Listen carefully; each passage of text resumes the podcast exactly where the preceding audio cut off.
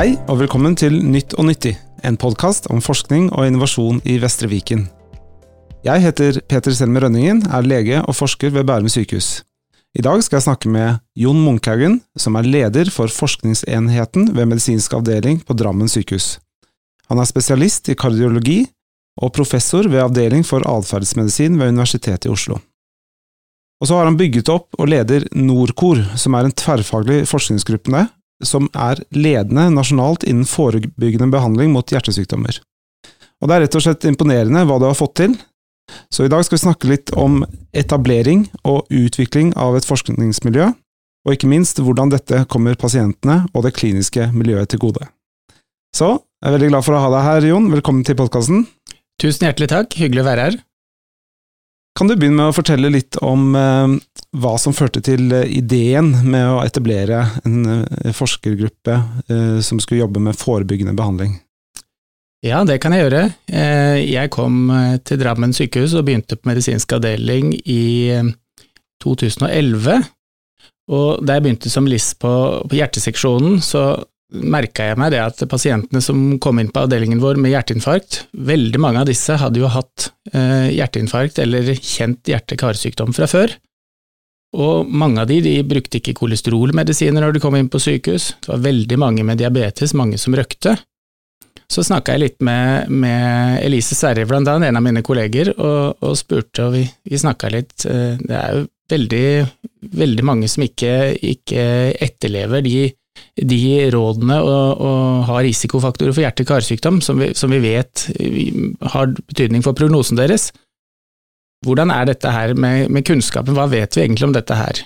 Eh, det var det det begynte med, eh, og så gikk jeg til litteraturen, og vi undersøkte et års tid, og så viser det seg at dette her vet vi faktisk ganske lite om i Norge, eh, faktisk nesten ingenting.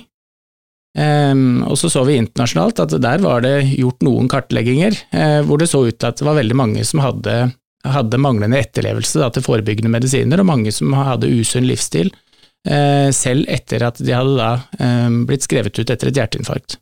Så det var egentlig den kliniske observasjonen som gjorde at vi fatta interesse for at dette her, det er jo noe vi må ta, ta tak i, for dette er jo viktig for pasientene våre.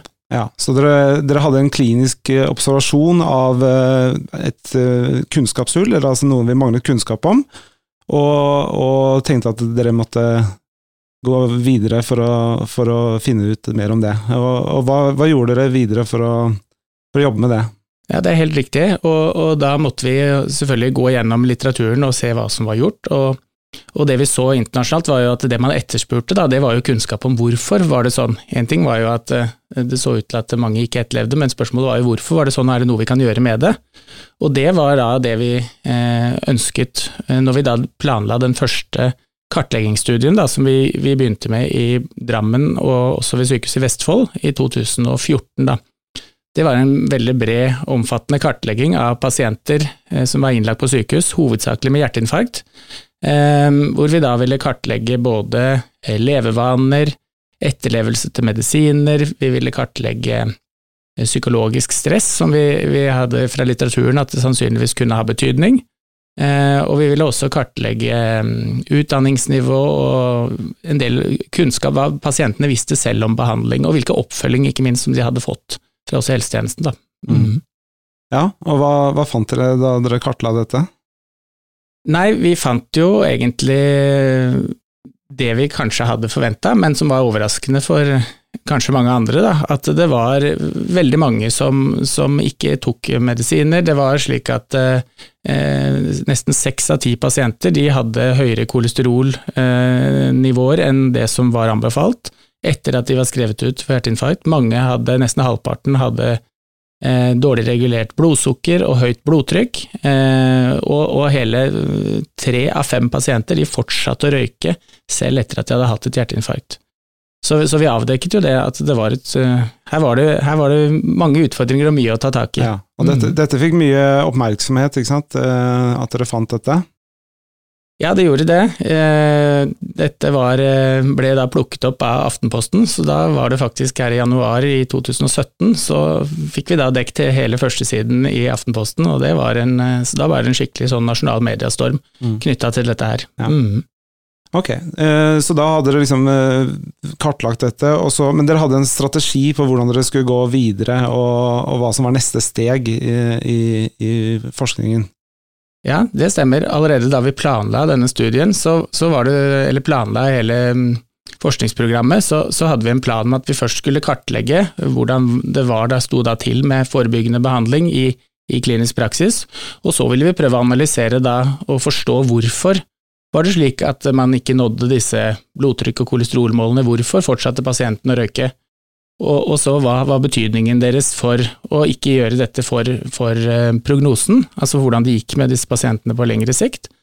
Og når vi hadde gjort det, så ville vi bruke den kunnskapen til å utvikle da nye behandlinger og tiltak for å prøve å gjøre noe med det, da. For å prøve å mm. bedre eh, mm. den forebyggende behandlingen. Mm. Så dere hadde liksom eh, lagt eh, en god strategi da for, for planene fremover. Men i tillegg så har dere også god, godt innslag av tverrfaglighet i gruppa, og det starta også tidlig. at dere ja, det stemmer. Jeg var veldig heldig. Helt tilfeldig så var det da eh, eh, Toril Dammen, som er eh, psykiater og var professor i atferdsmedisin på det tidspunktet. Hun hadde da også kontaktet avdelingen vår med spørsmål om å eh, undersøke pasienter som hadde eh, psykologisk stress, hjertepasienter, for det hadde vært en del av hennes doktorgrad en del år tilbake i tid. Da.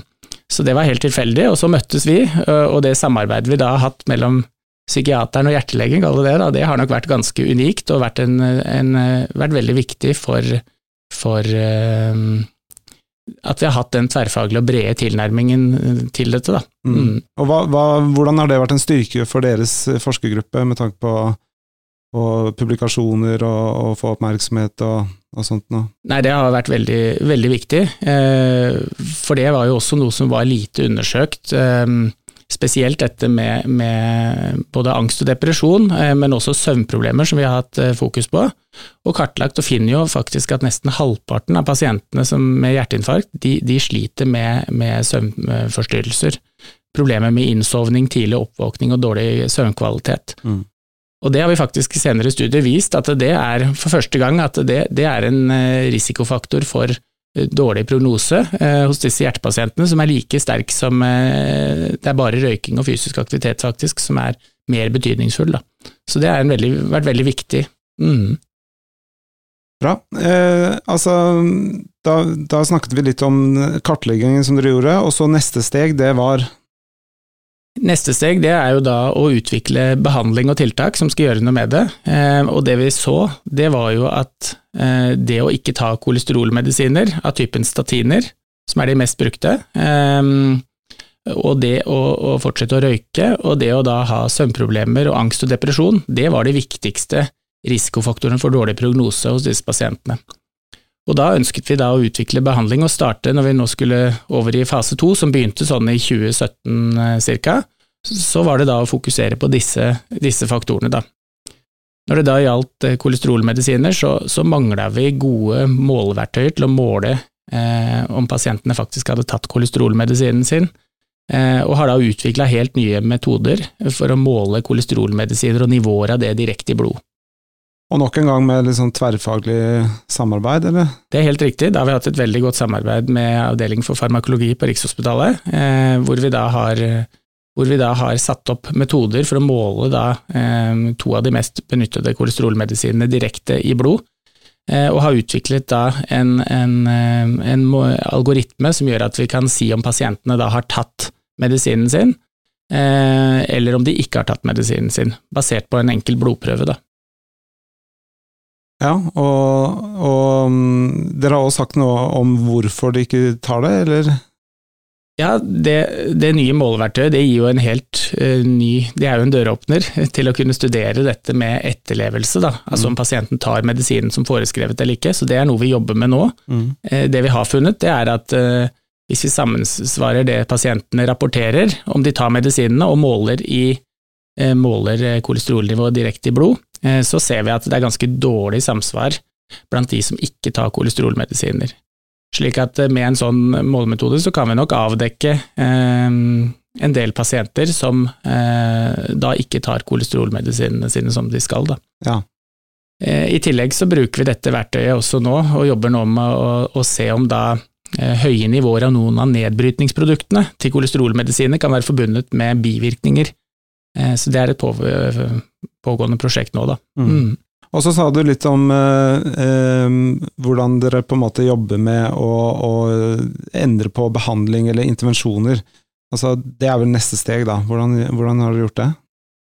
Ja, nå har vi, når vi da hadde jobbet med eh, Hvis vi begynner med kolesterolforskningen vår, så har vi da eh, gjort en studie for oss å Vi så det at bivirkninger, det at pasientene opplevde bivirkninger, det var en viktig årsak til at de ikke tok kolesterolmedisinen. Så da har vi gjort en intervensjonsstudie og da eh, testet dette her. Vi har tatt pasienter som enten har slutta eller sagt at de opplever bivirkninger når de tar kolesterolmedisiner, og så fikk de da enten kolesterolmedisin eller en tilsvarende sukkerpille, og så rapporterte de muskelplager da i en periode hvor de brukte begge to. Og verken de eller vi visste om pasienten tok kolesterol, fikk kolesterolmedisin eller, eller eh, sukkerpille. Og det vi fant, det var at det var ingen sammenheng i det hele tatt. Slik at eh, det var jo viktig kunnskap for klinikken, at eh, hos de aller, aller fleste som rapporterer om eh, muskelbivirkninger når de tar kolesterolmedisiner, der er det ikke kolesterolmedisinen som er årsaken. Mm. Det betyr ikke at de ikke har plager, for det har de selvfølgelig, men da må vi lete etter andre grunner til, til disse plagene. Mm. Og klinikerne, hvordan får de vite om sånne funn, og hvordan interagerer dere med klinikerne? Nei, dette, jo, dette var jo en, også en studie som fikk en del nasjonal oppmerksomhet. Så både i, i, Dagens Medisin, som leses av helsepersonell, men også i Aftenposten, så var jo dette en, en, en nyhetssak. Og vi har også forsøkt å, å, vært, å formidle denne kunnskapen ut på nasjonale og internasjonale møter, både til fastleger og annet helsepersonell som er viktige aktører i å følge opp disse pasientene. Da. Har dere noen andre strategier for å bedre behandling og for eh, intervensjoner i, i fremover? Ja, vi jobber nå med, som jeg nevnte, også dette med røyking har vært en, en stor eh, det var jo også et stort kunnskapshull, og vi fant at mange pasienter de savna god oppfølging, og, manglet, og, mange hadde ikke brukt nikotinerstattende behandling, som vi vet er veldig viktig når du er avhengig mot noe, at du får en erstatning for det.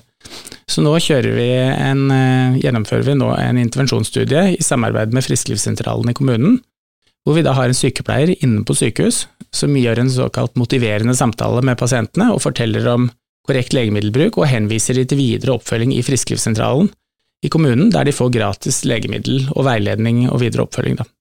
Og de foreløpige resultatene der virker veldig, veldig lovende. Mm. Og så jobber vi også med to studier på, hvor vi også tester ut nå eh, ny eh, psykologisk behandling til pasienter som sliter med angst og depresjon, og skal også nå i gang med en studie med søvnbehandling. Det er mye å gå inn på der, men, men det er eh, det, er, eh, det får kanskje bli en egen episode for hvert uh, prosjekt. Det kan det nok være. Ja. Mm. En annen ting er jo, som vi har snakka litt om, er jo at er også, dere har også etablert forskningsenheten eh, som du leder, eh, ved, som ligger under medisinsk avdeling ved Drammen sykehus. Kan du fortelle litt om den? Det kan jeg gjøre. Eh, veldig takknemlig for at eh, medisinsk avdeling ønska å prioritere og satse på en forskningsenhet. Eh, vi har jo hatt to store forskningsgrupper i avdelingen. Nordkår-gruppen som jeg leder, og, og gruppen VARG som ledes av professor Lars Heggelund på infeksjonsseksjonen. Så det er klart at forskerne og kompetansen i de to gruppene har vært veldig viktig i forskningsenheten. Og så er også målet med forskningsenheten at det skal være en litt enklere start for, for, nye forskere på kanskje nye fagområder som ønsker å starte opp, hvor vi da skal ha infrastruktur med sykepleiere og, og kompetanse eh, som kan bidra til å støtte i oppstarten av nye prosjekter. Mm. Mm. Og I tillegg så er denne forskningsenheten også en slags interaksjon mellom eh, klinikerne og forskerne, er det sånn, eller? Det er helt riktig. Eh, vi har hatt som, når vi planla eh, forskningsenheten, så lagde vi en plan at vi, vi ønska at vi skulle bidra til å styrke forskningen og innovasjonen i avdelingen, men at vi også skulle styrke og, og, og skape enda tettere bånd mellom forskning og klinikk. Så, så, det har vært et viktig, et viktig formål for forskningsenheten, ja. Um, vi har gjort det på flere nivåer. Uh, alle LIS-leger som kommer i avdelingen, de får tilbud om å komme på opplærings- eh, og informasjonsmøte i forskningsenheten for å se om de kan tenke seg å være interessert i forskning og få lære litt om forskning, som er et mål i spesialistutdanningen. Eh, I tillegg så rekrutterer vi også listleger til å være med å gjennomføre kliniske behandlingsstudier, som nå er veldig viktig og vi skal drive med, så det kan være en veldig god opplæring for de, de som er motivert for det. Og det andre vi har, er at vi har forskningsmøter hver 14. dag, hvor også klinikere er velkommen til å være med. Eh, der diskuterer vi nye artikler, prosjekter, de som skal ta doktorgrad, eh, de kan legge frem eh, den såkalte prøveforelesningen sin på disse møtene. Og vi kan også ha eksterne foredragsholdere som skal ha innlegg. Vi skal annet ha besøk fra Bærum nå nærmere jul ja, og høre om forskningen som dere driver med der.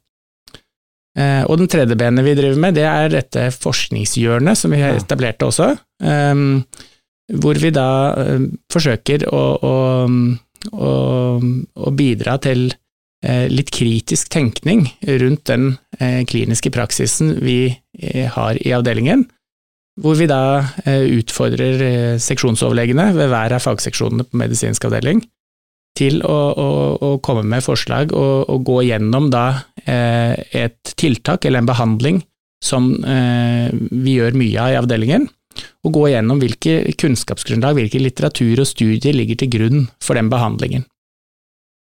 Og når de har eh, gjort det, så presenteres dette, og så plasserer vi da eh, de studiene da i en sånn såkalt kunnskapspyramide, hvor da randomiserte studier ligger på topp, og hvor bare observasjoner eller at man er enig om at sånn skal man gjøre det, ligger helt nederst. da. Mm.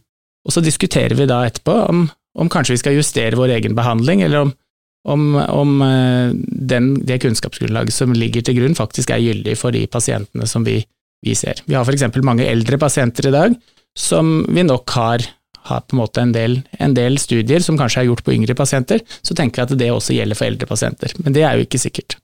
Mm. Ja. Så det er en slags bevisstgjøring, eh, det er bevisstgjøring av forskning i klinikken, eh, og, og har fått gode tilbakemeldinger fra klinikerne på det så langt, at det er, det er nyttig øvelse for dem å være med på. Mm. mm. Det er veldig inspirerende å høre hvordan dere har fått inn den interaksjonen da, mellom forskere og klinikere, og at, eh, at, eh, begge har noe nytte av det. Eh, tror du pasientene har nytte av det? Det håper vi. Vi har nok sett også tegn til, både på vår avdeling og vårt sykehus, men også andre norske sykehus, at, at forskningen vi har, gjennomført, har gjennomført har bidratt til endringer i klinisk praksis. Et mye større fokus på forebygging av hjerte-karsykdom i dag. Risikofaktorene ligger fremme i bevissthet.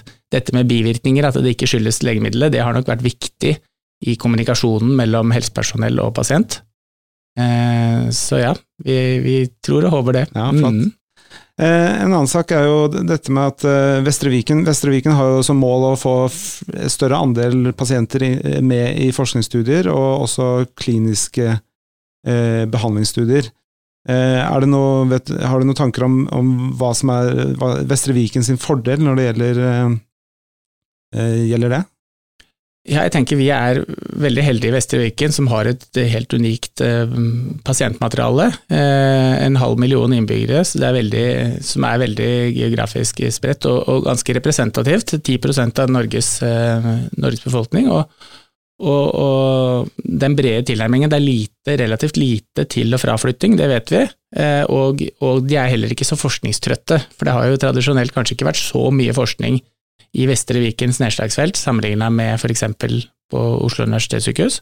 Slik at uh, jeg tror vi har en helt unik, eller vi har en helt unik populasjon å, å, å forske på, og, og, det tenker jeg er vår store styrke uh, i forhold til å kunne gjøre gode kliniske behandlingsstudier i årene som kommer også. Mm. Fint. Til slutt, uh, har, du noe, har, du noe, du kan si om hva som motiverer deg til å jobbe med, med forskning? Har du noe jeg tror det er en eh, Det er nok en skaperglede, eh, det å få lov til å jobbe i sammen med veldig mange dyktige og hyggelige mennesker. Eh, og få være med og prøve å påvirke og bidra til enda bedre diagnostikk og behandling. Det tror jeg er det viktigste. Mm. Fint. Ja, og med det så tror jeg at vi sier takk for i dag. Det var veldig inspirerende å høre om, rett og slett. Og takk for at du kom til podkasten. Tusen hjertelig takk for meg.